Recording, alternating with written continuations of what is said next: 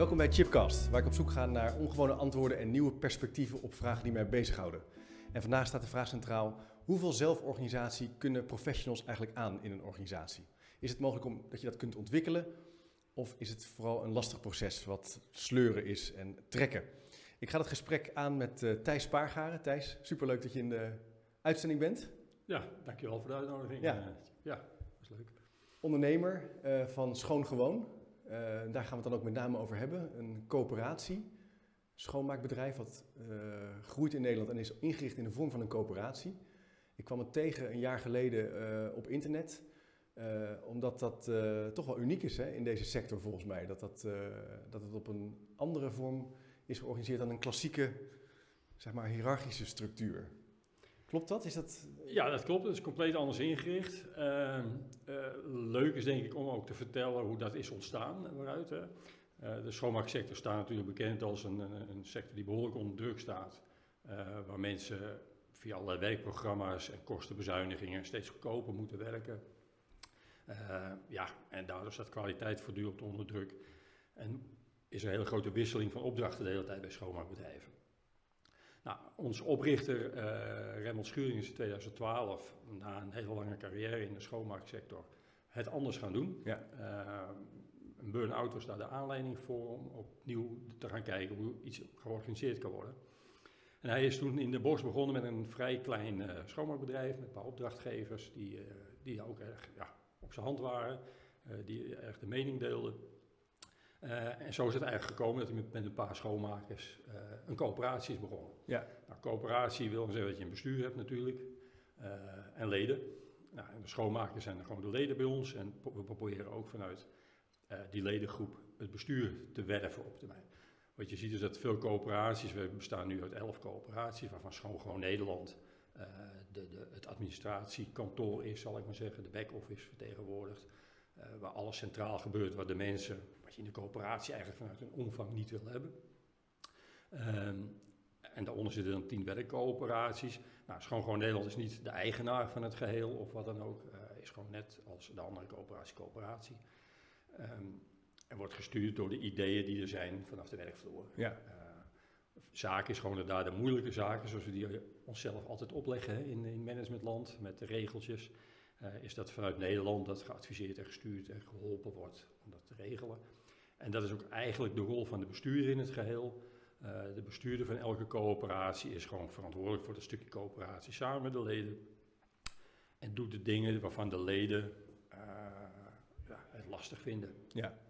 En voor de rest zijn de mensen gewoon lid, zijn dus eigenaar van het bedrijf zonder daadwerkelijk dat het een BV is, omdat ze aandelen hebben. Dus ze kunnen in- en uitstappen naar wens. Wauw, dat, is toch wel, dat is toch iets wat je niet veel hoort in Nederland. Nee, het is als werknemer, wat ik ooit van Remmelt heb begrepen, en ik was toen zelf nog in het normale bedrijfsleven werkzaam, ja. uh, is dat het in Nederland uh, was het de eerste werknemerscoöperatie. In ja. feite. De coöperatie is natuurlijk een oud begrip. Uh, maar dat wordt veelal georganiseerd vanuit inkoop- of ver, verkoopperspectief, of, uh, om, om, slim dingen te doen, samen te doen. Um, in andere landen heeft het wat ander, uh, nog wat ander beeld daarbij. Maar in Nederland was het, wat ik begrepen heb, dan de eerste werknemerscoöperatie. Ja. Waar mensen dus ook gewoon echt ja, als lid iets te zeggen hebben. Ja, waarom zou je dat doen? Waarom zou je het doen? Dat is, ook, dat is een goede vraag. Uh, laat ik ook vooropstellen dat de coöperatie is, uh, is, is meer een middel als een doel ja. van het geheel. Wat je wil is eigenlijk dat mensen zich als professional, als, als uh, schoonmaker in dit verhaal, verbonden voelen met het bedrijf, het werk wat ze doen, daar invloed op uit kunnen oefenen, hoe ze het kunnen doen, wanneer ze het kunnen doen. Nou ja, dat ze gewoon eigenlijk het werk gewoon leuker gaan vinden. Ja. En een stukje geluk vinden en niet zelf hun mate van, van druk bepalen. Uh, uiteraard weer met klanten te maken, met beperkt geld, hè, wat binnenkomt ja. altijd. Maar de, de, het leuke is dat mensen in een team kunnen samenwerken. Uh, ja, en dat zie je ook ontwikkelen. Ja. Dus het werk wordt betekenisvoller. Mensen hebben er weer plezier aan. Kan iedereen dat? Uh, nee. Nou, nee, nee ja, dat is duidelijk. Het is best moeilijk, denk ik, als je, heel moeilijk. als je het nooit gewend bent. Klopt. Nou, er zijn een, een paar facetten die mee... We zijn allemaal verschillend, dat is ja. één. Um, wanneer je opgevoed bent in een traditie van... Uh, dit is jouw taak, dit moet jij doen... in die tijd, eh, en je hoeft daar verder niet bij na te denken, creëert een zekere mate van eh, geestelijke rust, laat ik het zo zeggen. Je Ja. weet wat je moet doen. Aan de andere kant, als daar voortdurend nog eens een keer aan gesleuteld wordt, omdat het sneller moet, goedkoper, dat soort zaken, dan word je wel vervelender, dan vind je het vervelender worden.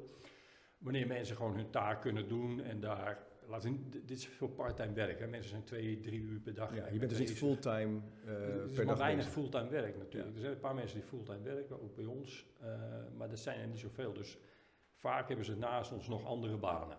Eh, dus of het is een bijverdienste na school en dat soort zaken.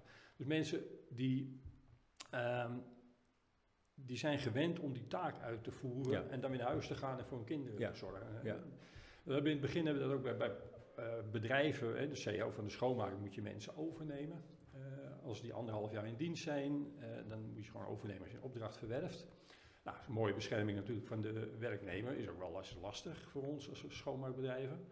Ehm, maar dan merk je gewoon dat mensen op een bepaalde manier werken. Als, als wij hier een week niet zitten, maar het staat in het schoonmaakprogramma van de medewerkster, dat ze dit moet doen, gaan ze dit schoonmaken. Ja. Als je naast een drukke vergadering is, maar dat moet ze, maar één- hè, dat moet ze ook doen, maar daar heeft ze dan net, net even geen tijd voor, omdat ze dit vindt dat ze dit ook moet schoonmaken. Dan gaat dat dus fout. Dan heeft de klant heeft de volgende dag een klacht dat dat niet schoon is, maar die kijkt niet naar dat dit wel heel erg schoon is, bij wijze Ja, van spreken. ja, ja. Dus en wat, de mensen bij ons kijken gewoon van, ik hoef die taak niet te doen, maar je moet zorgen dat het pand schoon is. Ja, ja, ja. En dat is het uitgangspunt. En dat is een soort proces wat, wat bij de een kort is, bij de ander lang is natuurlijk. Het heeft gewoon met de persoon zelf te maken. In hoeverre vindt men dat leuk om dat op te pakken. Het, het is minder anoniem, want je hebt ook wel eens contact met de andere schoonmakers in een object of met de klant. Hè. Dat proberen wij ook te stimuleren, dat schoonmakers direct met de klant de problemen horen en de problemen kunnen oplossen. Dus er wordt ook van je verlangd om erop af te gaan, om eh Ja, hallo om die te drempel zeggen, te verlagen. Om die drempel te verlagen. Minder dan- anoniem te maken. Terwijl het kan best zijn, ik kan me voorstellen, dat schoonmaken, dat doe je misschien anoniem. Hè? Het kantoor is dicht, je gaat naar binnen, je doet je ding. Heel vaak wel. Ja. Kijk, wij, wij streven ernaar dat er een contactmoment is tussen de schoonmaker en, en de bezetter van het pand, Ja. zal- hè, de, de gebruiker van het pand. Eh, dat proberen wij te stimuleren. Ehm, maar ja, goed, er zijn ook bedrijven die dat toch wel eens wat lastiger vinden. Maar het, is toch prettig om aan het, aan het eind van de dag, s'avonds of 's morgens vroeg schoonmaken, dat het moment er even is. Zodat je ook niet altijd via een logboekje van alles hoeft op te schrijven. Weet je Nee. want als je een mail of een, eh, iets opschrijft, dat het altijd weer anders overkomt. Hè? Dat het vaak niet zo vriendelijk of wat dan ook. En als je dat gewoon persoonlijk doet, krijg je een beetje begrip, wederzijds begrip voor, eh, voor elkaar. Ja. En dat maakt het menselijker. Dus die, de, als je dus in een coöperatie van Schoon Gewoon werkt, wordt er meer aanspraak gemaakt op andere bekwaamheden dan alleen het kunnen schoonmaken. En er zijn mensen die dat in verschillende maten oppakken. Ja. Die daarmee om kunnen Ja. gaan en willen gaan. Hè? Laten we dat vooropstellen. Ja. En als je dus, als je nou eh, eh, werkt binnen een coöperatie, hoe ziet dat dan eruit? Ben je dan, je bent dan, ja, je hebt er iets over gezegd, je bent mede eh, lid van de onderneming. Nou, je, je bent ingeschreven in het ledenregister, zoals het dan Ja. heet. Hè? Dus je staat in het ledenregister. Daarmee heb je wat wij. eh, de basis is, is je statuut van de coöperatie natuurlijk. Daar staat in wat je minimaal mag en moet, wat je rechten en plichten zijn als lid en als bestuur. Ehm, en de basis is dat je één keer per jaar ALV hebt, eh, algemene Ja. ledenvergadering, net als een voetbalclub. Of, Ja. eh, ehm, dat is wat je minimaal moet hebben als bestuur met je leden. Nou, daar staat dan, zit dan bij ons eh, de accountant vaak nog bij om een beetje uitleg te geven aan de leden. En de leden kunnen het bestuur bevragen over de resultaten en dat soort zaken en de dingen die eh, gepasseerd zijn. Ja. Daarnaast heb je ook dan meteen dat het lopende jaar wordt besproken. Nou, we zijn nu een beetje in een transformatie, dat we eigenlijk twee keer per jaar die momenten in ieder geval willen inlassen. Eh, de, één ALV is gewoon een verplichting vanuit statuten dat je dat hebt. En we zoeken nu een tweede moment in het jaar dat je gewoon het budget voor volgend jaar met elkaar doorneemt. De leden keuren dat goed. Die keuren de acties van het bestuur goed en die keuren de jaarcijfers in feite goed met elkaar. Ja. Daarmee, en als dan het budget ook goedgekeurd is, daarmee kan dan het bestuur zijn ding doen. Ja. Ehm, dat is voor leden soms lastig natuurlijk als jij uit India, een klein dorp in India komt, eh, geen Nederlands spreekt, schrijft. eh, ja, probeer daar jaarcijfers uit te leggen. Dan wil ook de ondernemingen niet te groot maken, geen Nee. 20 miljoen verantwoordingen en dat soort dingen. Best ingewikkeld. Dat kan ingewikkeld zijn en dat, ja, als je, als je jaar, grote jaarcijfers gewend bent, dan is het van ons maar beperkt natuurlijk. Maar voor die mensen is dat ingewikkeld Ja. genoeg. Omdat, eh, Hoe doe je dat dan? Hoe maak je dat? geduld, uitleggen. eh, ze er ook wel van overtuigen dat het wel belangrijk is dat ze het snappen. Dus dat- Soms zit er natuurlijk, uh, je hoopt dat iemand wat kan vertalen. Ja. Zo simpel ligt het. Dus je gaat met ze in gesprek erover? Over je belang, gaat absoluut met ze in gesprek over de noodzaak? En je rust niet voordat ze het snappen. Nee? nee? nou ja, voordat ze, wat natuurlijk heel belangrijk je kan als, als bestuurder kun je zeggen, nou, daar stap ik overheen. Hè. Heel simpel, die snapt dat niet. Nee, kunnen ze niet. Dat kunnen ze niet, precies. Maar je kan ook denken van, ik doe dat met extra effort en dat gaat jaar na jaar beter. Kost wel tijd. Dat kost je tijd, ja, natuurlijk kost dat tijd. En kan dat wel? Ja, tot op, tot een bepaalde ja. hoogte. Mensen kunnen wel dus een ontwikkelsprong daarin maken ja, en dat absoluut. daar inzicht in krijgen. Ja. En ik denk dat wij uh, ook wel onderschatten wat mensen nou snappen. Ja. En, uh, we, je leest het ook, mensen hebben ook mm, huisverantwoordelijkheden, hebben ze ook een kasboekje en dat is Ja, ook dan weet je ook je inkomsten uit. Precies, inkomsten, uitgaven, dat, dat, dat principe kent iedereen wel. Ja. En dat je niet meer kan uitgeven dan dat er binnenkomt, snapt ook Nee. iedereen. Um, Maar je zegt daarmee al iets heel belangrijks. Van, dat je dus dat gesprek aangaat met die collega's. Dat je die cijfers van groot naar klein brengt. Ja. Dat je het inzichtelijk maakt. Ja. En ook dat je een bepaalde mate van aandacht en geduld hebt erop. Ja. Dus je kan niet verwachten dat eh, iemand die nog nooit die cijfers heeft geïnterpreteerd... volgende week kritische vragen gaat stellen over de cashflow. Nee, nee. Dus er zijn heel veel mensen, die in, zeker in het begin, als je net begint met een coöperatie, je neemt mensen over, die zijn het absoluut niet gewend natuurlijk. Wat is de meest gehoorde reactie dan? Als jij dan zegt, nou, wat vind je van die cijfers? Nou, in het begin heb je, heb je eigenlijk met een soort wantrouwen te maken. Ja? Wantrouwen van de mensen van, en dan voel je gewoon dat ze eigenlijk denken van ja, dit, dit, ik word geflasht of zo, weet je wel. Dit kan eigenlijk niet, hè. Dat, dat mensen zo, dat bedrijven zo open zijn, zo transparant, zo eh, delen wat, wat salarissen zijn, wat kosten zijn, hè. dat soort dingen, weet je. Dat kan merk je niet gewoon een kloppen. soort wan, dat, dat, ze hebben, zeker het eerste, eh, als je mensen overneemt, is gewoon het idee dat er een soort addertje onder dat gras zit. Ja. Eh, eh, een beetje, ja, eh, window dressing, hè, van nou ja, dit, eh, het, het, het, Dus de, denk, die, dit is een verkoopmodel. Hè? die Thijs, die, die, die, die wil iets van me. Dit, eh, ja, dit klopt zoiets, niet. Precies, dat klopt niet. En, en, eh, nou, en dat gaat langzaam om als ze beseffen dat er ook echt met hun ideeën en ja, dat er geluisterd wordt en dat ook dingen worden uitgevoerd. Ik bedoel, eh, bij ons mag geen discussie zijn eh, over, een, een- over een doekje of het wel of niet gekocht moet worden. Sto- als iets stuk is, moet je het repareren moet je het re- of nieuw vernieuwen. Ja, een je stukje gereedschap Het is waarmee een je stukje werkt. gereedschap waarmee je werkt. En dat bepalen mensen gewoon zelf met elkaar. En eh, willen ze iets beters, willen ze iets anders, bepalen ze met elkaar. Dan kijken ze. Als bestuurder moet je alleen maar zorgen dat je de juiste informatie verstrekt waarop ze die de besluiten kunnen nemen. Ja. Dus je moet informatie geven dat ze besluiten kunnen nemen. Ja, Het moet transparant zijn. Ja. En dan, ik kan me ook voorstellen dat als het over hun werk gaat, dat het wel helpt, dat je dan wel kan versnellen. Maar als het gaat Ja. over ja, afschrijving van Nee. het pand, Nee, noem nee, maar, dat, dat, gelukkig dat, hebben we dat niet, dus dat is heel nou goed. Maar Nee, we proberen voor. dat ook te voorkomen. Hè. Grote dure panden, dure auto's, geen moeilijke dingen. Hoewel je wel heel veel van die autootjes van schoongewoon ziet rijden. Nee hoor, je, jij ziet hier in Zeist één. ik zie steeds Slim, wel. hè? Ja. En, maar die Ah. rijdt gewoon de hele dag heen en weer. Dat is jullie marketingstrategie. Ja, precies. Eh, nee, maar ja, en dat, dat is eigenlijk eh, wat die mensen, als je dat allemaal niet te moeilijk maakt en Ja. inderdaad niet over veel, te veel afschrijvingen en niet te veel Dus je moet het simpel houden. simpel houden. Maar ja, dat, het heeft ook zijn beperking om niet groter te worden, want dan krijg je ook dat je natuurlijk, eh, ja, het wordt ook moeilijk om een bedrijf te hebben als je tegenvallers hebt, financieel, zieken, langdurig zieken. Wij zijn niet verzekerd voor ziektekosten. Eh, dus dat dragen de mensen zelf. Ja, hoe ga je daar als lid mee om? Ja, hoe doen ze dat dan? Hebben ze dan een broodfonds of een... Nee. eh, Nou, het broodfonds is niet echt een, eh, voor ons niet echt een, we zijn er wel mee bezig, maar niet echt een haalbare oplossing. Nee. Op dit moment is het gewoon in feite, je moet als coöperatie een kleine reserve hebben. We, we presenteren de jaarcijfers aan de mensen, dan is er winst als er alles goed gaat. Nou, de leden besluiten uiteindelijk in samenhang met het bestuur allemaal, die zijn ook lid in feite. Wat doen we met de winst? Keren we dat uit of deels, houden we het in het bedrijf? Er wordt relatief weinig uitgekeerd bij Schoongewoon, het blijft in het bedrijf zitten. ja, ja. Ja, in ieder geval voor 50, 60 procent als die winst er is. Eh, ehm, ja, en dat is je buffer voor Ja. ziektes en dat soort tegenvallers in het geheel. Slim, is ook slim, eh, slim georganiseerd. Maar je zei net iets anders. eh, waar, waar ik nog even... Wat, eh, je zei, ik moet eigenlijk oppassen dat ik niet te groot word. Je moet niet te groot en je moet niet te klein. Dat is een hele lastige Ja, verdeling. hè? Want eh, op het moment dat je natuurlijk, als je met vijf mensen zit en één eh, wordt langdurig ziek, dan heb je gewoon een probleem, want dat is 20% van je bezetting. En als die ook dan ook nog eens een keer in de uren, bij wijze van Hoog spreken, zit, 40 ja. hoog zit, dan heb je echt wel een probleem. En dat moeten de mensen dan op gaan hoesten en lossen met elkaar, hoe ze daarmee omgaan. En je kan natuurlijk als bedrijf, en daar helpt Nederland ook wel eens, en, en dan kijken we hoe kunnen we dat met elkaar oplossen. Eh, als dat tijdelijk is, maar je kan er niet te lang het verlies induiken. Dat gaat natuurlijk niet. Nee. Dus ja, mensen kunnen dan heel simpel, ze kunnen die uren gaan werken gratis. Uh, dat houdt eigenlijk de CO weer tegen, want er zit zo'n prachtige regel waar je dan tegenaan loopt. Hè. Wij betalen, wij regelen alles volgens CO, dat zijn we verplicht, doen we ook. Alleen daar loopt dat dan eigenlijk uh, ja. in de problemen natuurlijk. Ja. Want als mensen dan meer uren gaan werken, moet je die betalen. Terwijl mensen dat eigenlijk vanuit een sociale context gaan doen. we hebben een bedrijf en we moeten die tien uur per week moeten we met elkaar gaan schoonmaken, omdat we het niet kunnen betalen. Ja, dan moet dat ook gebeuren.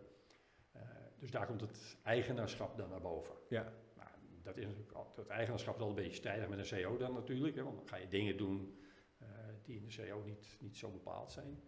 Um, maar dat is wel ja, wat de mensen zo zien. En is er ruimte, financiële ruimte, om die tien uur gewoon op te vangen met een andere, even tijdelijke medewerker of wat dan ook, dan kan dat ook prima. Maar dat moeten de mensen, de leden wel zelf besluiten hoe ze dat gaan doen. Kortverzuim is nooit een probleem, dat vangen ze met elkaar op. En of ze dat wel of niet in een urenrooster, ja, dat, dat, dat, is aan hun. Ja. Is dit nou een vorm van sociaal ondernemen? Het is, of is het die vraag hebben wel vaker gesteld.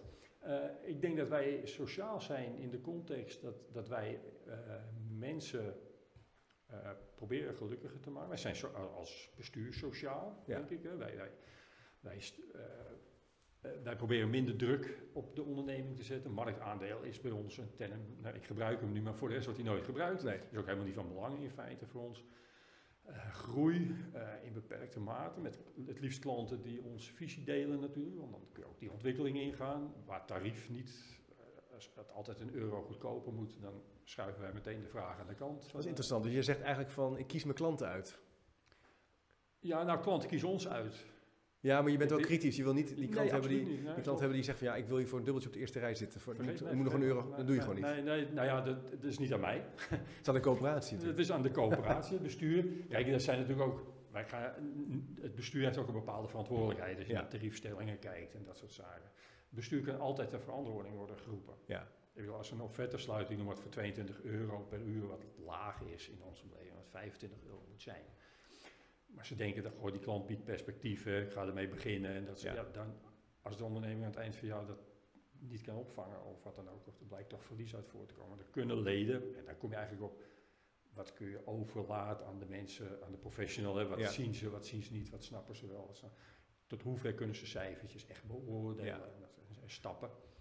Uh, dus dat is een beetje, ja, ja, de spanning en het gesprek wat je met elkaar voert. Ja. Eh, nou hoor je wel eh, vaak als kritiek tegenwoordig op dat zelf organiseren en dat, mee, eh, dat collectieve eigenaarschap, wat dit eigenlijk wel is. Hè? Je, je, zit met elkaar en je maakt besluiten. Ja, dat het dan verlammend kan werken, dat er geen besluitvorming is, geen richting. Ja. Hoe is dat nou zo? Of zeg je, laten jullie zien dat het toch wel kan werken? Um, het, wat belangrijk is, is dat het de leden het vertrouwen geven aan bestuur om besluiten te nemen tot, tot x-niveau. En dat moet je ook met elkaar afstemmen. Dus dat moet je ook afstemmen, ja, ja Dat precies. moet je gewoon afstemmen. En dan zeg je gewoon van, joh, ik, eh, als jij dit vindt als bestuurder, dan ga je, ja, dat is vertrouwen. Ja, dan mag je dat besluit dan nemen. Mag je dat, dat, doe, dat, doe, dat is eigenlijk ook de budgetbespreking nou voor, ja. binnen deze kaders doen we dat. Uh, als er een bestuurder is die 19 euro per uur gaat afspreken en weet dat hij daarmee eigenlijk niet kan werken, ja, dan, hij, Nederland is een beetje toezichthoudend fenomeen ook natuurlijk, doet de administratie, ja. maar hij is ook een beetje ja. toezichthoudend op het concept en dat soort zaken. Dus ja, die, wij kunnen ingrijpen in het meest uiterste geval. Maar wij adviseren gevraagd en ongevraagd. Ik persoonlijk van, goh, dat zou ik nou even niet doen. Nee. Uh, maar je bent niet de klassieke manager die zegt, ik wil het zo. Nee, absoluut niet. Nee. Dat zou niet werken bij nee, deze groep. Nee, daar moet je, je moet daar vreselijk mee opletten, omdat je ook een bepaald idee hebt. Uh, ook vanuit gewoon mijn eigen traditie als manager in, in verschillende vakgebieden ja, en ja. dat soort zaken. En, dat je, en daar krijg je punt 1 krijg je de directie boven jou die zegt, ik wil het zo. En dan moet je mensen toe zeggen, ik, wij willen dat zo. Hè? Ja, ja, ja, dan krijg je een beetje dat dilemma. Terwijl je eigenlijk je achterhoofd denkt, wil ik dit nou wel zo? Uh, maar dat, nee, dat is niet bij ons gewoon niet. Dus niet. Als manager of als leider moet je je wel een beetje beheersen. Je moet je vreselijk beheersen. Vreselijk beheersen. Vreselijk, vreselijk beheersen. Omdat je dingen ook wel ziet gebeuren dat je denkt van, goh, dat had ik nou nooit zo gedaan. Nee. of zo, weet je wel. Um, kan je een voorbeeld geven? Wil je, kan je dat doen? Is dat mogelijk? Uh, nou ja, kijk maar naar het afsluiten van een overeenkomst met een klant of ja. wat. Hè? De voorwaarden die eraan hangen. Uh, maar ook afspraken met mensen die... Uh, um, nou, je hebt het over een autootje. Ja. De coöperatie besluit zelf of er een autootje rijdt, dat is leuke marketing. Dat kan ook, eh, dat, dat, dat kan ook een prima overweging zijn.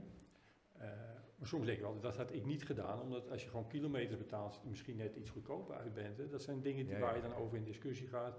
Dat als je directeur-eigenaar van dat bedrijf zou zijn, je het misschien net anders besluit. Ja. Maar is het dan zo dat, eh stel je voor, ze, maken, ze zeggen, ja, we willen toch graag die auto, we hebben daar als groep over besloten, dat je dan zegt, nou, dan is het zo? Absoluut. Ja, Ja. Nee, ik, punt één, daar Ja. ga ik niet over. Daar gaat de coöperatie zelf wel over. precies. Dat is dus.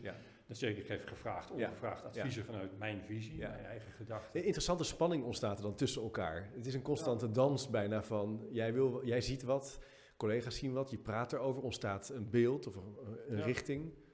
Ja, eh, eh, Is het, leuk, is het leuk om zo leiding te geven aan een ja, organisatie? nou ja, leiding geven roep je al. Het is zo traditioneel om te zeggen leiding. Of is het geen leiding, hoe zou jij het noemen? ik zie het zelf, ja, nou ja, wat, je geeft adviezen, je geeft sturing. eh, dat meer niet. Meer eigen, je probeert om dat, die leiding eruit te krijgen. En dat, gevoel van leiding. En als je dat gewend bent, dan is dat best, ook voor mezelf, lastig natuurlijk om te zeggen, goh, wat haalt iemand nou weer in zijn hoofd? Zo weet je wel. En Je had het, het is eigenlijk een heel ander perspectief om te organiseren dan het klassieke idee. Ja, ja, ja En absoluut. je moet eigenlijk ja. afleren om het leiding te geven. Ja, maar, maar je ziet ook wel met jezelf, want je ziet ook dat de mensen op de werkvloer ook wel soms leiding willen hebben. Hè, wat Ja. ik al zei, ja, zeker in het begin, dan wil Ja. men gewoon een Ja, taak. Thijs, zeg gewoon, wat moeten wat we moet doen? ik nou doen? Hoe gaan we dit nou, dit, hoe gaan we dit pand nou verdelen in onze taken? Ja. Grote klant van ons, hogescholen, die, die, die mensen liepen daar anoniem, iedereen op een afdeling, iedereen op een verdieping, nauwelijks contact met elkaar. Eh, ja, dat hebben, punt 1 hebben we dat contact, eh, proberen we beter te krijgen, Ja. onderling. We zijn dus ook begonnen met die taken opnieuw proberen in te delen met elkaar, niet alleen. Nou, en dan zie je dat mensen onderling gewoon dingen gaan. Als iemand is ziek is, dan, ik weet het niet. Ik ben daar bestuurslid in die coöperatie ook. Samen met een schoonmaakster bij ons eh, die daar loopt. Ehm, ze regelen dat. Nou, ik heb ze ook wel eens gezegd, "Oei, we moeten wel even op kantoor weten dat iemand ziek is, want als het dat langer duurt, dan moeten we wel wat gaan inregelen en dat soort zaken. Maar in principe, ik weet niet wanneer mensen snippendagen of vrij zijn. Ik zie dat in, op een gegeven moment zie ik dat in een rooster komen en dan gaat het door voor de salarisafwerking. Prima. Mensen regelen dat. Ja. Uh, we hebben in Rotterdam een hogeschool, dezelfde hogeschool, die, die, die, daar lopen, ik geloof 16, 17 mensen die met elkaar gewoon 80% 90% van het bedrijf regelen. Er zit één bestuurder bij, die ook meerdere coöperaties bestuurt in feite, dat is gemengd bestuur. En er zit een, een van de heren die daar fulltime als schoonmaker zit, is ook bestuurder. Ja, die regelt gewoon 80, 90% van alle operaties en de klant is gewoon tevreden. Ehm, Is, het, is, er ook meer, ieder, is er meer verbinding met, met, met de organisatie waar ze werken? ja, maar nee, ja, er is sowieso meer verbinding met de organisatie. Dus in dit geval de hogeschool? Ja, omdat gewoon het contact direct is. Hè. Degene die daar ook fulltime loopt, er lopen een paar mensen die lopen meerdere uren, dus die lopen ook overdag. Ja. hè. Eh, handdoekrollen te vervangen, vloeren te doen, dat soort zaken. hè. Dus de dingen die eh, niet storend zijn maar- en die gewoon moeten op de dag, omdat het een drukke hogeschool is. Eh, dus die hebben heel veel interactie met de opdrachtgever. Dus dat gaat heel snel, Ja. heel kort. Ehm, ja, en dat zijn belangrijke dingen. En deze, die mensen hebben ook weer contact met de mensen die hè, op andere tijden lopen. Dus er zit een overlap in, maar ze drinken met elkaar koffie, ze praten met elkaar over de problemen. De- Als iemand dan langdurig ziek is, dan wordt er met elkaar besproken van goh, hoe gaan we dat oplossen. Ehm, als er een nieuwe taak of een nieuwe persoon komt, dan eigenlijk iemand komt bij ons eh, gemiddeld met een half jaar of jaar contract binnen. Dan wordt daarna gekeken van goh, bevalt iemand, past iemand in die groep, doet hij, hij zij zijn werk goed. Dus dat gesprek voer je met elkaar? dat gesprek voer je met elkaar. Degene die daarbij willen zijn. En dan op een gegeven moment besluit je met elkaar. Oké, iemand krijgt een vast dienstverband. En op dat moment mag iemand, kan iemand ook lid worden als hij dat wil. Ja, dus het is best wel een, een soort toetredingsritueel. Ja, je gaat even door de ballotagecommissie. Ja. Ja, ja. Nee, En ik kan me voorstellen dat het een, een belangrijk moment is waar je als team ook kijkt van... hé, hey, wie zijn wij? Hoe willen we graag werken? Pas jij bij ons? Ja, klopt. Hebben we een leuke Klopt, tijd gehad met elkaar? ja. Werk je ook professioneel genoeg? Hè? Ja. Voldoe je aan de norm die we hebben? aardig fenomeen is iemand die, eh, die, die bij ons komt, die, die eh, redelijk vlak voor zijn contract staat. Maar dan is het ook net carnaval in het zuiden. En die weet bij zijn collega's, die het fenomeen niet helemaal snapt van de coöperatie en dat de leden eigenaar zijn. Die weet gewoon te melden. Zo, na carnaval ben ik altijd een week ziek. Oh ja. Ja, die kan dat contract vergeten, Ja, dat is dat natuurlijk niet de bedoeling. Nee. En als je ziek bent, ben je bij ons ziek. Dat is een simpel verhaal. Er is niemand Ja. die jou heel erg... eh, ja, natuurlijk ook krijg je de wetpoort achter. Al dat soort vervelende rituelen erachteraan. Maar in principe ben je ziek en krijg je de tijd om te herstellen. Ook weer door je collega's. Maar dit is natuurlijk een ander verhaal en dat zie je natuurlijk in heel veel ondernemingen, met name grote ondernemingen, dat ja, er allerlei verworven rechten zijn. Hè? Dat je na, na de carnaval is natuurlijk een prachtig voorbeeld, even een paar dagen uitzieken, bijkomen, even detoxen. Maar ook wel eh, de vrije dag op vrijdag staat voor mij vast, want dan kom ik al met mijn kinderen even, hè, et cetera. En dat is natuurlijk in zo'n team waar je met elkaar het werk moet doen spannender. Want ja, je, je kijkt elkaar direct aan, het heeft meteen impact op de ander.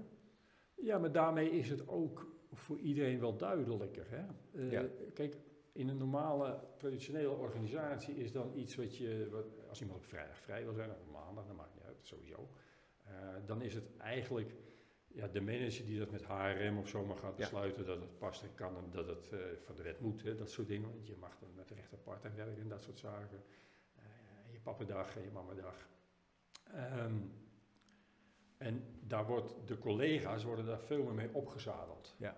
En nu kiezen ze met elkaar de mogelijkheden en de oplossingszoekers. En dat gaat soms goed en soms helpen de bestuurder daarbij. Ja. We hebben, als je zo over zo'n hogeschool praat, dat is deels dicht in de vakantie, die moet extra werk, deels open. eh, mensen willen op vakantie en het liefst zes weken ver weg, hè, dat soort zaken. Dus je moet met elkaar, ga je dan, dat zijn van die dingen die je gewoon ook als bestuurder moet oppakken om met elkaar ja, te gaan regelen. Ja, ja. Eh, gaat dit werken? Is de klant, blijft de klant tevreden in die tijd? Want dan gaat een, hè, dat is eigenlijk het primaire uitgangspunt. Daar moet- verdien je geld mee. Eh, en ja, kun je dat met elkaar passend maken. En als je met elkaar normaal over praat, zonder dat je, ja, jij mag wel en jij mag niet. Nee, Maar los dan even met elkaar. gewoon transparant en Dit is duidelijk. precies, Ja. transparant. En die duidelijk. structuur die maakt ook wel het nodig dat je dat doet. Dus het is ook een, zo georganiseerd dat je eigenlijk niet anders kan. Klopt, ja. Ja. Nee, Ja. eh, dat- als bestuurder heb je in principe net zoveel te zeggen. Ja. Dus je kan wel denken, ik ga dat anders doen of zo. Ja, Nee, ja. Daar kun je op teruggewezen worden, op teruggefloten worden. Waar ik nog wel benieuwd naar ben, is wat vraagt deze manier van organiseren in termen van achterkant van de organisatie? Je hebt natuurlijk ook eh, de facturen moeten worden verstuurd. Er is misschien ook eh, een HR-tak. Uh, je begin je al te fronsen. Hoe kan je daar iets over zeggen? De voorkant Ja, zijn natuurlijk de mensen die het werk doen. En je hebt de ondersteunende diensten. Of is dat helemaal in die coöperatie ook georganiseerd? Nee, juist om de coöperatie zonder overheid, eh, weinig overheid te laten eh, fungeren, eh, is er gekozen om dat in Nederland, gewoon, gewoon Nederland te doen, wat ook een coöperatie is. Daar, wordt eigenlijk, daar worden de uren verwerkt, daar worden de salarissen, daar worden de facturen, de inkoopfacturen eh, worden gescand. Dan keuren de bestuurders dan weer goed, hè, dat ze dat inderdaad hebben ingekocht. Of, eh, eh, de coördinator, bestuurder van zo'n coöperatie geeft hem wat extra werk door als er factuurafwijkingen zijn en dat soort zaken. Dat is wat Nederland allemaal doet. Nederland, ja, je noemt HR. Ja, we hebben niet echt een HR, omdat Nee. mensen hun eigen HR zijn. Hè, Ja. In zin. Ik wil, ja, ze bepalen voor een groot deel hun arbeidsvoorwaarden en, eh, en alles wat daarmee te maken heeft. Maar alles, en dan kijk ik even richting een stukje arbo, eh, nou ja, alles wat bij ziekteverzuim, daar krijgen ze gewoon ondersteuning vanuit Nederland. Voor wat ze willen weten. Ja, dus een soort overkoepelende eh, sch- schoon gewoon Nederland die ondersteund is ja, aan dat het... staat er tussenin. Ja.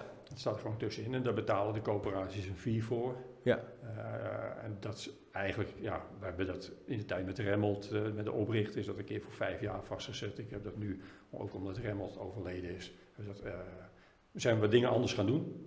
Hebben we de, de afspraak weer vernieuwd, zeg maar, tot een ander model.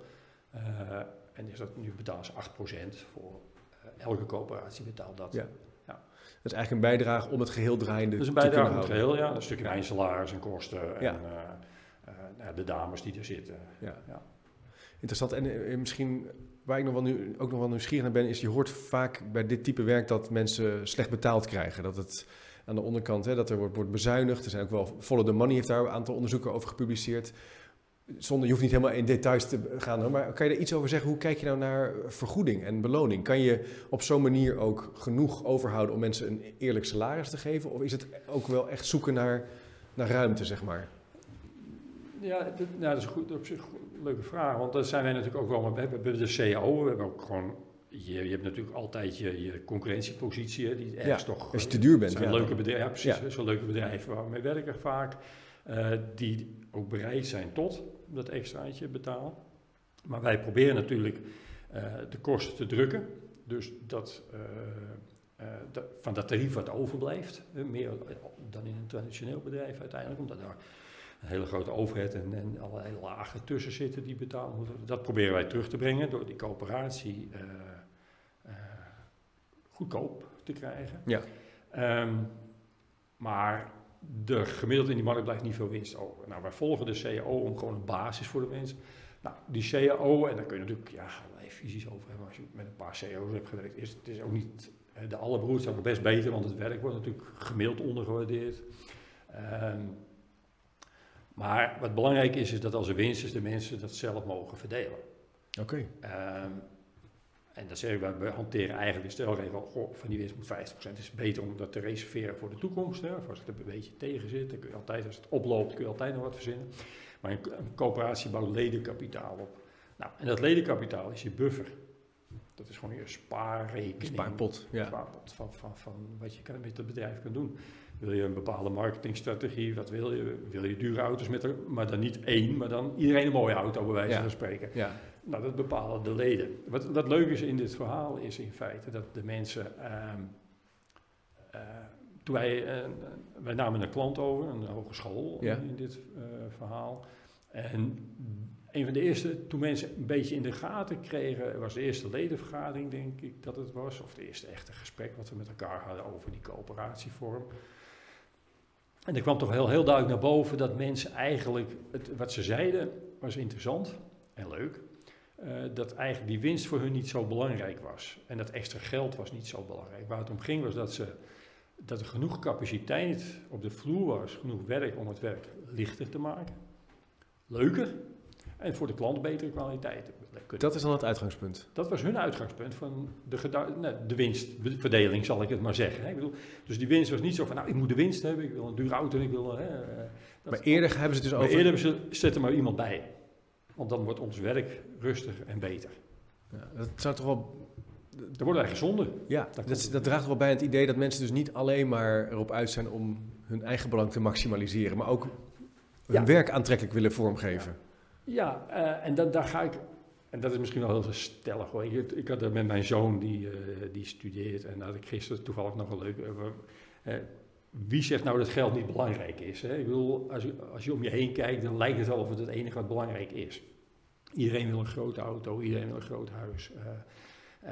en het verbazingwekkende is eigenlijk dat de mensen die dat niet zo hebben, en ook eigenlijk die dat, dat voor de toekomst niet verwachten, laat ik het zo zeggen, toch heel andere principes aanhangen dan, blijkbaar.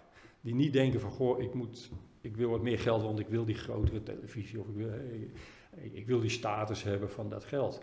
Ze willen in de basis gewoon gelukkig zijn. Simpel op hun werk, de werkvloer gelukkig zijn. Mooi. Op het werk gelukkig zijn. Op het werk gelukkig zijn en dat heeft invloed op je privé natuurlijk. Hè. En het is dus er, het is vervelender om te moeten rennen uh, als schoonmaker om het af te krijgen en met slechte uh, materiaal te moeten ja, werken. precies. Ja. En met een hoog salaris dan liever een paar euro uh, per ja, uur ja, reserveren voor een extra collega. Precies. En ook, ook zo'n stelling van, oké, okay, op een gegeven moment, we zitten nu bij zo, voor zo'n ALV en uh, met een andere bestuurder, ook een dame in de schoonmaak. En dus op een gegeven moment bouwen we wat ledenkapitaal, dat gaat goed. En uh, eigenlijk dit jaar was iets van, nou, we kunnen wat gaan uitkeren. En dan zegt de medebestuurster, en dan zegt dus gewoon een schoonmaker, zegt, ja, maar hoe gaan we dat dan doen? Ik zeg, nou, dan moet je eigenlijk een verdeling van mensen die zoveel uur hebben gewerkt, geven 50 cent per uur extra, ik noem het, hè, over het hele Ja, jaar, ja. dat soort dingen. Zei, ja, dat wou ik maar niet doen, ik wou iedereen maar gewoon een extraatje geven. Dus, en zij werkt de meeste uren, dus zij zou het meeste krijgen, hè, laten we dat even vooropstellen. Uh, maar dat vindt ze dan niet zo belangrijk. Ze vindt het gewoon leuk om wat uit te delen. Met elkaar. En met elkaar te Heel bepalen hoe hoog dat moet zijn. Dus als je dus met elkaar in zo'n groep zit en elkaar kent, met elkaar het werk vormgeeft, dan maak je andere keuzes. Ja. En dan laat je ook empathie, altruïsme, hè, dat zijn toch Ja. andere ook drijfveren die ertoe doen. Zeg je nou, Ja, laten we het op die manier doen. In Ja. plaats van je kan zeggen, nou, dan krijg ik duizend piek erbij. precies. Dus daar gaat het eigen belang een beetje opzij. Ja. Denk jij dat, dat ja, mensen, je kan denken, ja, dit werk doe je omdat je inkomen moet hebben. En het is het, is het werk en het is, Nou ja, er Of- zijn, kijk, hoe kijk je daarnaar? Hè, Het, het is sowieso werk en mensen moeten inkomen. Ja. Ik denk dat dat voor een heleboel beroepen, hè, eh, Ja. de nutteloze baan, hè, Ja. de, eh, eh, ja, dat is belang van geld. Dat is gewoon het- wat we allemaal willen in het leven. Eh, Dus mensen hebben dat geld nodig om te leven, om hun kinderen wat te kunnen laten doen en te geven. En eh, ja, eh, deze mensen, die vaak komen ze natuurlijk uit arme om- omgevingen, landen, en, de- en, en die zijn al heel snel tevreden met wat ze hier hebben. Ja. En dan zie je gewoon dat dat, dat dat kleine beetje extra al heel veel geluk geeft. Ja. En dat, met name dat geluk in het werk. Ik- een dame die, eh, die uit India komt, die vorig jaar echt naar mij toe kwam "Ik- voor het eerst in mijn leven ga ik weer na zes weken India lekker aan het werk. Ja. Eh, en, en- die heeft nog twee schoonmaakbanen naast haar baan bij Schoongewoon. En, maar dit vond ze gewoon weer fijn om te gaan doen. En waarom? Omdat ze haar collega's, omdat ze ja, de klant, ze werkt gewoon fijn. Ja, je hebt contact met je team, Ja, je, hebt contact je bent samen het werk aan het doen, je hebt meer contact met je klant. Je Ja. mag zelf invloed nemen op, op het werk. En dat is ook vanuit de klantwaardering. Hè? Ja. Er is ook geen, geen verschil. Er wordt niet gekeken naar de schoonmaakster als zodanig. Nee. Ze wordt gewoon... eh, Ja, maar dat vind ik heel interessant, want dat zei je net. Ja, ik zei het wat scherp misschien, maar je kiest je klant een beetje uit. Toen zei je nou niet helemaal, maar toch zoek je wel klanten die dit ook tuurlijk, tuurlijk. omarmen. Ja. ja. Ja, dat is voor ons wel belangrijk. En er zijn Ja. klanten die, nou ja, als ik dan... eh, eh, er zijn gewoon bedrijven waar het ook gewoon een stukje om prijs gaat, maar die toch ook het principe leuk vinden. En Ja. leuk is dan al goed genoeg, hè, Ja. zo. En Ja. Wanneer iemand, eh, de, wanneer, ik ga er maar voorzichtig in, 70% van onze klanten zich op prijs gaat oriënteren, dan zijn we ze kwijt. Ja. ja. Dus dat laat ook zien dat niet alle klanten op dat niveau eh, eh, kiezen. Nee, absoluut. Nee. Absoluut, Ja. Hoeveel coöperaties zijn er nu in, in Nederland?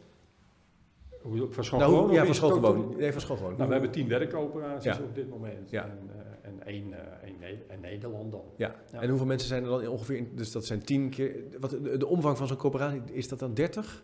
Eh, nee, de, nee de omvang, het- als je naar mensen kijkt, dan zitten we, ik denk, eh, dat gaat van 17, 18 als grootste coöperatie tot 3 als kleinste. Oké, ja, 17, 18 Ja. tot 3. Ja. Ja. ja. en en, en eh, is er dan ook, ben je dan ook bezig met een groeistrategie? Of zeg je van nou, eh, ik zie eh, dat dat vormt zich organisch. Hoe kijk je daarnaar? Nou, in principe, eh, wij zijn niet eh, echt bezig met een groeistrategie, want een groeistrategie leidt, dat je, leidt ertoe dat je een plan moet maken.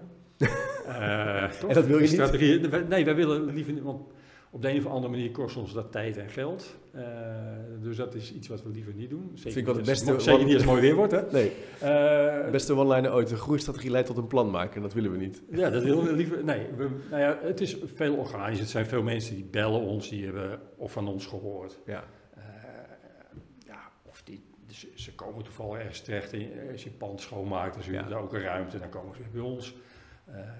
Dus er is altijd wel een link met wat wij doen. ja, En dat, eh, dat is eigenlijk ons. Het is niet zo dat wij met, met dure marketingstrategieën aan de gang Nee, gaan. En, nee. dat soort zaken. En die kun je wel. Ehm, ja, marketingbureaus bellen ons wel eens. En dan praat je even kort met ze aan de telefoon. En dan, dan nou, prachtige plan. En dan eren ze ons sociale model. En dan vinden ze het allemaal mooi wat wij doen. Dan vraag je volgende het kost. En dan zeg je, ja, dat kost 250 euro per uur. Dan zeg je, oké. Dan eh, moet onze schoonmaker voor dat bedrag twa- 20 uur werken ongeveer in de. CAO. Die moet dan heel hard werken en nu zit koffie te drinken en te denken, zeer waarschijnlijk. Eh, maar goed, ik zal het aan de leden voorleggen en dan vervolgens is het antwoord van, goh, moet u dat aan uw leden voorleggen? Ja, u heeft toch ons sociale beleid niet helemaal goed begrepen, Nee. geloof ik.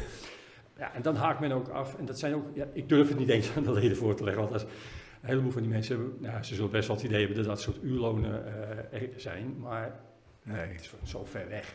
En je zou kunnen zeggen, dat zijn, niet, dat, dat zijn niet de dingen die verschil gaan maken voor jullie. Nee, en dan niemand, als iemand dat dan nog rekent en een soort garantie geeft dat wij eh, binnen een jaar 3 miljoen euro erbij hebben, oké. Ja, Maar dat doen ze ook niet. Nee, ja, ze kunnen gewoon slecht werk leveren voor dat geld en toch een rekening blijven sturen.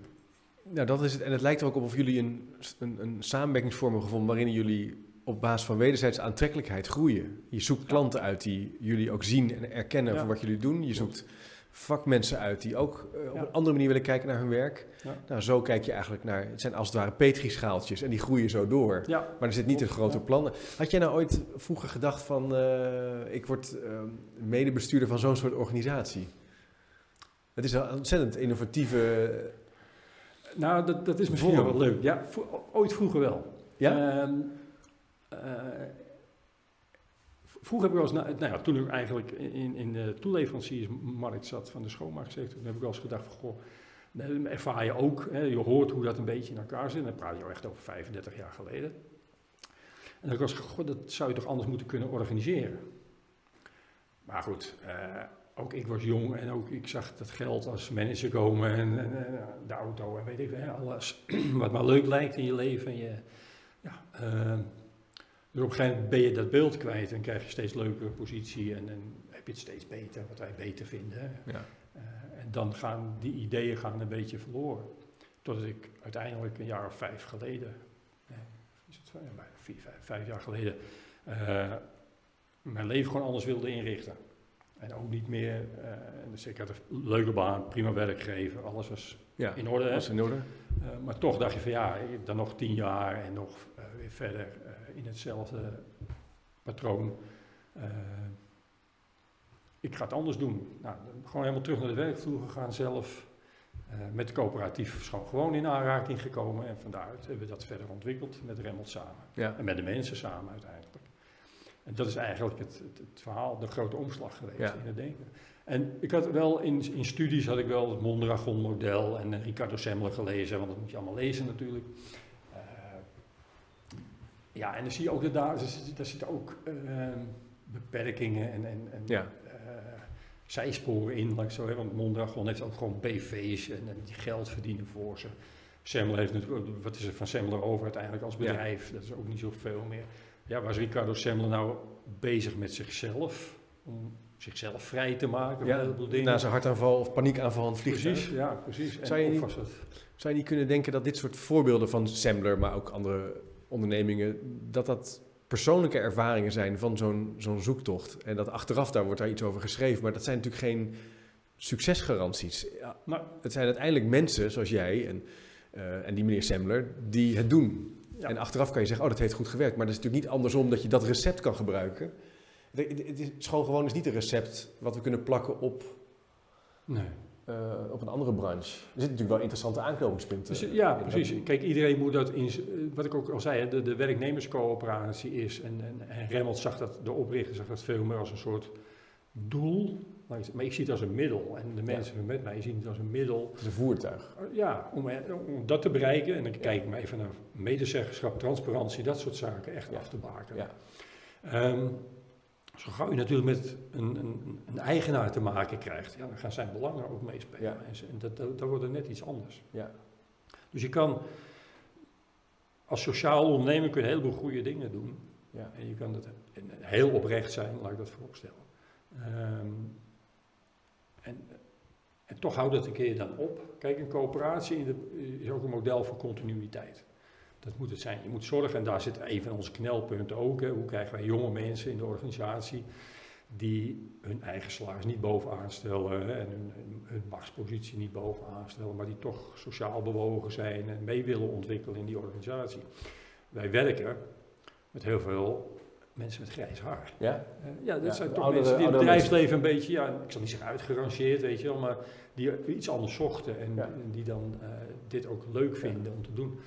En dan, dan ga je al hard richting pensioen. Ja. En dan ga je hard, eh, want wat wij voor onze medewerkers willen, willen wij ook voor onze bestuurders gelukkig zijn en lekker werken. Het zou misschien interessant zijn om eens met studenten te- hierover in gesprek Nou ja, te we gaan. ik ben veel met studenten. Ja, dat me heel veel. eh, Ja? Ik kan daar een baan van maken. Als ze mij zouden betalen, althans. Nee, maar ik praat, we praten heel veel met studenten. Zeker in deze tijd van eh, de eindstu afstudeertoestanden. Ja, En- komen ze wel bij jou je interviewen? of? ja, dan komen willen ze me interviewen en dan zeg ik bijna mijn dag mee vullen.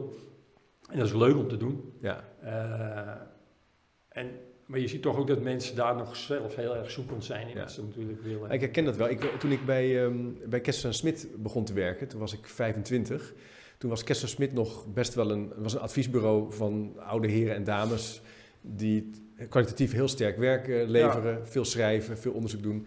Maar het lukte ze eigenlijk heel lastig om jonge mensen aan te trekken. En toen zijn wij daar de onderzoekspraktijk gestart. Dat waren eigenlijk het waren, denk ik, drie, vier eh, eh, studenten die net van de universiteit kwamen in dit geval. En ze nou, kunnen wij onderzoek doen als manier om ook werk te maken in Kessels, Kessels en Smit. En dat was uit, achteraf een heel belangrijk omslagpunt om, die, eh, om ook de ruimte te pakken om je eigen werk ervan te maken. Ja. En ehm, het is heel moeilijk. Je kan invoegen. Hè? Je kan zeggen, ik, ik moet ook een adviseur worden. En ik Ja. moet ook doen wat eh, Paul doet. Of wat Piet doet. Ja. Of wat eh, Marietje doet. Of je kan zeggen, wat vind ik eigenlijk zelf interessant aan dit soort werk. En voor ons was dat een heel belangrijk om, ja, moment eigenlijk. En om meer ja, jonge professionals te verbinden aan zo'n bureau. Ja. En dat is natuurlijk ook wel interessant om eens te kijken van... Ja, nou ja, dat, dat is volgens de uitdaging Ja. de komende jaren, zeg maar, om te verjongen. Daar gaat Ja, het verjongen. ja. Het is sowieso een markt waar je natuurlijk, ja, welke jongeling vindt die, die goed opgeleid is, vinden we in de schoonmaakmarkt interessanter. Tenzij als directeur van een groot schoonmaakbedrijf mag beginnen. Hè. Ja. Dus ja, in hoeverre vind je het leuk om eh, tegen relatief weinig salaris toch relatief eh, hard te moeten werken. Ja, Ehm, en te bouwen in je eigen organisatie, waarin dat, dat ja, met elkaar eh, moet. Je krijgt een heleboel. Het is niet zo dat je dan in een soort traineeship komt en uit waar echt Nee. zelf manager wordt. Nee. Nee. Uiteindelijk word je, ook- ben je ook nog heel kwetsbaar als bestuurder. Want ja, eh, als de leden zeggen, joh, je maakt er een zootje van, ja. gaat u maar, weet je. Ja. wel. Ik bedoel, eh, Dus- het, het, is, het is een schoonmaakbedrijf, maar aan de andere kant is het, gaat het over geluk, over betekenisgeving, over samenwerken. Dus er zitten ook wel natuurlijk andere aspecten aan. Nou, wie weet als er nou luisteraars zijn die zeggen van, eh ik voel ja, mijzelf eh, jong. bel mij. eh, ja, Dan kunnen we- dan mij. mag je op de website even een linkje zal ik plaatsen, dan kunnen we jou mailen of bellen. Jongens bij ons al middelbaar hoor. Dus dat, dat scheelt. Nee, maar dat, is wel zo, ja. Ja, we hadden het in, de, in het begin ehm, van ons gesprek over hoeveel eigenaarschap kunnen mensen nou aan. Hè? Ja. En, en je hebt al gezegd, nou heel veel. Hè? Het is ook wel een lang proces, hè? je moet geduld hebben. Ja. Ehm, je bent dus in die zin heel positief over, eh, over werk en over werk organiseren. Dat kan dus echt op andere manieren. Ja, daar ben ik heel, ja, absoluut positief over. Eh, maar goed, we mogen de mens als, als individu, als persoon, de verschillen die er zijn. Hè, ik wil, als iedereen heel goed zou zijn en heel vriendelijk en heel aardig, hadden we niet zoveel problemen waarschijnlijk in de wereld gehad. Eh, dus je moet ook, ook wij hebben te maken gehad met mensen die, ja, diefstal, hè, eh, Ja. al- alles wat je in een bedrijf meemaakt, maken wij ook Ja. mee. Eh, maar op een gegeven moment heb je, denk je, wel een kern, een aantal mensen om je heen Ja. eh, in een coöperatie zitten die dat gedachtegoed delen en die op die manier werken. Ja, dus je, je maakt, er gaan ook dingen mis als je dit gaat doen. Er Dat, er gebeuren de dingen zoals op andere plekken ook gebeuren. De mensen maken fouten. Of, ja, nou, dat klinkt al lullig, want eigenlijk bedoel je dat helemaal niet zo. Want managers maken, die, die, die hebben een, die doen een vergissing of wat ook, hè, Ja. die vergissen zich en, en eh, hebben iets fout beoordeeld en de mensen op de werkvloer maken altijd de fouten. Hè, dus Ja, dat is het verschil. ja. Eh, nee, men- bij ons gaat het ook niet altijd goed. Nee. Bedoel, Er wordt ook wel eens een- iets vergeten of een klus wordt niet goed Ja, of een klant die moppert, dat is gewoon mensenwerk. Als jij s ochtends een beetje ziek naar je werk komt, Ja. maar wel komt, eh, eh, dan kan het wel eens fout gaan. Iets, dan kun je iets vergeten. Of als je zorg hebt over je kinderen, dan kun je... Het gaat er wederzijds om dat mensen begrip hebben, ook de klanten die dat, dat begrip hebben, dat dit mensenwerk is. Ja, en ook wel dat je het gesprek erover hebt met elkaar. En de- precies, dat mensen ook durven aangeven, "Goh, ik heb het niet goed gedaan. Ik, je moet niet bang zijn voor fouten die je Nee. maakt. Ik bedoel, Nee. eh, ja, dat, zijn, dat kun je het verkeerd doen en dat kun je gewoon met je werk doen. Nou, ik herken dat wel. Ik weet dat toch in mijn eer- eerste jaren als onderzoeker, adviseur, dat ehm daar gaat natuurlijk ook, gaan ook dingen mis. Je begeleidt wel eens een sessie dat je achteraf denkt, mijn hemel, ben ik echt totaal het voorstelrondje vergeten. Of ik, Ja, nou ja. ja, Thijs Ja. heeft helemaal niks gezegd. En, Ja. eh, ik weet nog dat ik toen echt van, van onder andere Paul Keursten en Jozef Kessels heb geleerd van, als je het, er contact op kunt maken, is er eigenlijk niks aan de hand. Als je achteraf het gesprek erover kunt voeren Ja, en kunt bedenken, wat betekent dat voor de volgende keer, dan kan je eigenlijk kan je heel veel hebben. ja. Maar je ziet vaak mensen die dat niet doen, of dat gaan ontkennen, of gaan we- wegmoffelen, of zich gaan verdedigen. Ja, dat Ja. wordt heel snel vervelend. vervelend. dat wordt Dus je hebt een plek wel nodig waar dat Ja. er kan zijn. En het is dus geen robotwerk. Er, er is wel aandacht daarvoor nodig. Ja, ja, ja, absoluut. Je moet je, kijk, je- nou ja, dat is, het gaat natuurlijk de discussie worden in hoeverre je zometeen schoonmaakwerk kan robotiseren. Hè. Ja, ik vind dat heb een coöperatie vol met robots. Ik weet niet precies wat dat met de jaarcijfers gaat doen, maar Maar denk je niet bij dat soort dingen dat dat altijd prachtige vergezicht zijn? Maar eh, wanneer gaat dat gebeuren? Wanneer dat hier een robot binnenkomt die, eh, die dit, dit pand gaat schoonmaken? Ik, ik denk echt dat dat toekomstmuziek, dat, dat, dat we het over ik denk dat dat 50 ver weg tot is. 100 Ik jaar denk, hebben. kijk, als je gaat kijken, hebben wij zijn ook wel eens bezig geweest met de experiment met eh, wat vervelend werk is, eh, stofzuigen. Ja. Met een. Ja, dat functioneert gewoon niet goed. Dat gaat te Nee. langzaam. Dat, dat, ja, die gaat, of s'nachts moet je aan het werk zetten en dan Ja. gaat het alarm de hele tijd af. eh, Dat soort, dus Weet je dat we hadden zo'n... dat gaat niet zo snel. Nee, we hebben vroeger thuis zo'n, eh, op een gegeven moment zo'n robot stofzuigertje gehad. Weet je, zo'n ronddraaiend Ja, dingetje. ja, ja. En die eh, ging dan, eh, dan lag je in bed en op een gegeven moment hoor je piep piep en dan gaat dat ding rond. Eh, nou, hartstikke leuk. Hij maakt wel goed schoon, want hij heeft kammetjes. Maar hij, hij gaat ook overal tegenop rijden. Hij gooit een vaas om, hij zit vast precies. onder de, onder de bank. En, ja, en als je kinderen hebt met speelgoed op de grond, kan je het helemaal vergeten. Ja, ja, Dus ja, het zijn mooie ideeën. Ja, nee, kijk, ik heb ook altijd. eh, ik- denk dat er, er zal best wel eens een keer een robot komen die naar de werkkast loopt, de stofzuiger pakt. Die robotstofzuiger zelf ik niet zo meteen, maar die Nee. de stofzuiger gaat pakken en iets gaat doen. Ik denk dat, dat dat er wel in zit een keer. Maar dat gaat niet voor mijn pensioen zijn. Nee. Eh, dus ik denk dat de, de, de volgende generatie daar best wel verder mee gaat. Hè? We, Ja. we maken ook hogeschool. Je ziet, je ziet bijzondere dingen gebeuren. Ja, natuurlijk, dat is ook andere plekken. Eh, ja, maar weet je wat ik denk? Ik denk dat het innovatiever is om na te denken over een samenwerkingsvorm Absoluut. die uitnodigt, Ja. eh, uit, particip- participatie mogelijk maakt, eigenaarschap, Ja. dan helemaal in te zetten op die technologische revolutie. Want Dit werkt sowieso. dit werkt sowieso, ja. ja. Absoluut. Dit, is, dit moet je ook zien. Ik Ja. bedoel, ja, eh, er, zal, er zal- zal best een robot een keer komen die denkt, hé, er staat nog een koffiekopje, laat ik dat in de keuken zetten, weet je wel, of zo. Of, of er zit een kring op die tafel. Misschien komt die er wel, misschien, ik weet het niet. Nee. Eh, daar wilde ik ook niet zo mee bezig Nee, nee. Hey, maar, ah, misschien als een beetje afronding van, het- van het gesprek. We hebben al heel veel mooie eh, principes en uitgangspunten besproken. Ehm, wa- wat is nou voor jou de grote uitdaging met schoon gewoon? Je hebt al iets gezegd over jonge mensen aantrekken. Dat is een, een, een- blijft een, een, een challenge, zeg Ja. maar. Maar ik moet niet in het Engels praten, het blijft een uitdaging. Ja, weet je, nee. Eh, maar heb je nog andere dingen waarvan je zegt, ja, dat is wel waar ik mijn hoofd over breek of waar ik mee bezig ben als... Nou, eh, de stabiliteit van het ook door jonge mensen ook, een stukje omzetgroei, ambitie eh, daarin te hebben om, om het model verder te ontwikkelen. Ja. Eh, eh, ook goed te beoordelen of de coöperatie dat het juiste model blijft, hè, want dat is natuurlijk ook belangrijk. En met elkaar, eigenlijk gaat het gewoon veel meer om, van, goh, kom je tot nieuwe dingen weer. Zo, zo- het mag niet statisch zijn. Hè. Het moet een, eh, ons doel moet zijn om een, een socialere eh, schoonmaakwereld te krijgen. Ja. Nou, hoe beperkt dat ook voor ons is, want wij zijn maar een heel klein radertje in het grote geheel. En eh, te laten zien dat dingen al functioneren. Als je kijkt, ja, je kan ook zelfsturende teams inzetten, hè, daar hebben we het ook genoeg over gehad. Maar ja, als jij een zelfsturend team ziet als een verdienmodel, omdat je dan de tussenlagen uit had en de mensen in hetzelfde sturende Ja. team geen extraatjes geeft, alleen maar verantwoordelijkheid, trucje. dan gaan die mensen dat Nee. niet doen. Dan gaan ze niet zelf sturen. Eh, dus je moet daar ook wat aan verbinden. Ja. Eh, het is niet zo dat mensen standaard gelukkiger wordt van meer verantwoordelijkheid.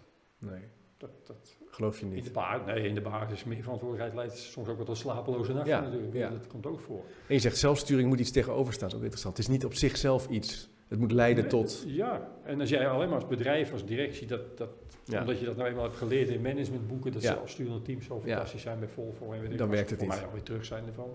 Dan werkt het niet. Eh, je moet dit gewoon leuk vinden en je moet daar de oprechte eh, insteek bij hebben, denk Ja. ik. Dat het sociaal moet zijn en niet een verdienmodel. Ja, het moet echt zijn. Het moet echt zijn. Ja, Het is geen trucje. En uiteindelijk is die coöperatie maar een vorm. Ja. Het kan best zijn als we, stel je voor, we spreken elkaar over twee jaar, dat je zegt, nou, we hebben nu een nieuwe vorm. ja, Er zijn BV's bijgekomen, of er zijn...